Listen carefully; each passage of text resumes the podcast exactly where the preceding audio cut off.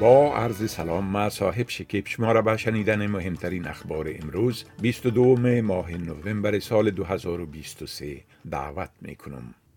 تحت یک توافق بین حماس و حکومت اسرائیل گروه حماس 50 زن و طفل را که گروگان گرفته پس از موافقت پارلمان و حکومت اسرائیل به توقف چهار روزه درگیری ها آزاد خواهد کرد.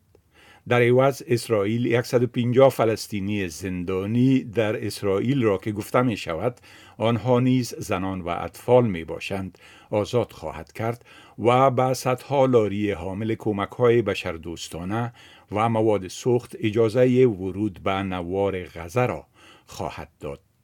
حکومت اسرائیل گفته است که در مقابل هر ده گروگان دیگر که آزاد می شوند آتش بس را یک روز تمدید خواهد کرد.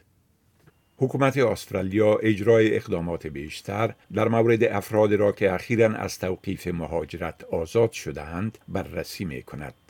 در بین این مهاجرین و پناهندگان تازه آزاد شده تعداد از محکومین به جرائم به شمول قتل و تجاوزات جنسی هم شاملند. این توقیف شده ها پس از یک تصمیم مهم محکمه عالی که بازداشت نامحدود مهاجرت را غیر قانونی دانست آزاد شدند.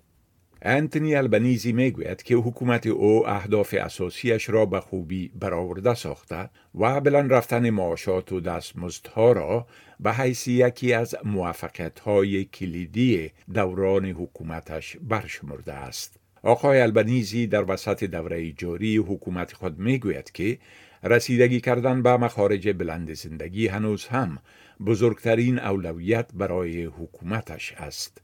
صدر می گوید که حکومت فدرالی قصد دارد با چالش هایی که تغییرات در اقتصاد جهانی برای استرالیا ایجاد می کند مقابله نماید. گزارش ها می‌گویند که بندر سرحدی ترخم بین افغانستان و پاکستان پس از بسته شدن صبح سهشنبه 21 نوامبر از جانب پاکستان بر روی لاری های تجارتی افغان دوباره باز شده است. قبل از این گزارش شده بود که مقامات پاکستانی گفتند که به رانندگان افغان بدون پاسپورت و ویزا اجازه نمی دهند به آن کشور داخل شوند.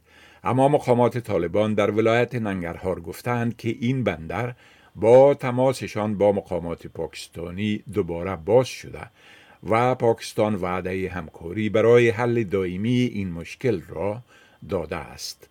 ولی حکومت پاکستان تا کنون در این مورد تبصره نکرده است. پلیس نیو ساوت ویلز می‌گوید که بیش از 20 نفر در جریان تظاهرات طرفداران فلسطین در مورد یک کشتی باربری اسرائیلی در بندر باتنی دستگیر شدهاند.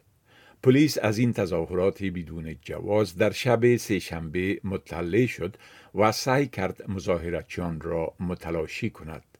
اما معترضان به حضور در منطقه ادامه داده و از حرکت موترها جلوگیری و از پیروی از دستورات پلیس امتناع کردند. پنی وانگ وزیر امور خارجه استرالیا پس از مذاکرات با همتای هندی خود درباره نگرانی های مربوط به چین، امنیت منطقه و جنگ اسرائیل و حماس می گوید که حکومت استرالیا با تقویت روابط اقتصادی و استراتژیک با هند متحد است. سناتور وانگ که برای مذاکرات دو جانبه وزرای دفاع و خارجه هند و استرالیا تحت عنوان گفتگوی دو جمع دو به هند رفته با همتای هندی خود سوبرامانیام جایشانکار دیدار کرد.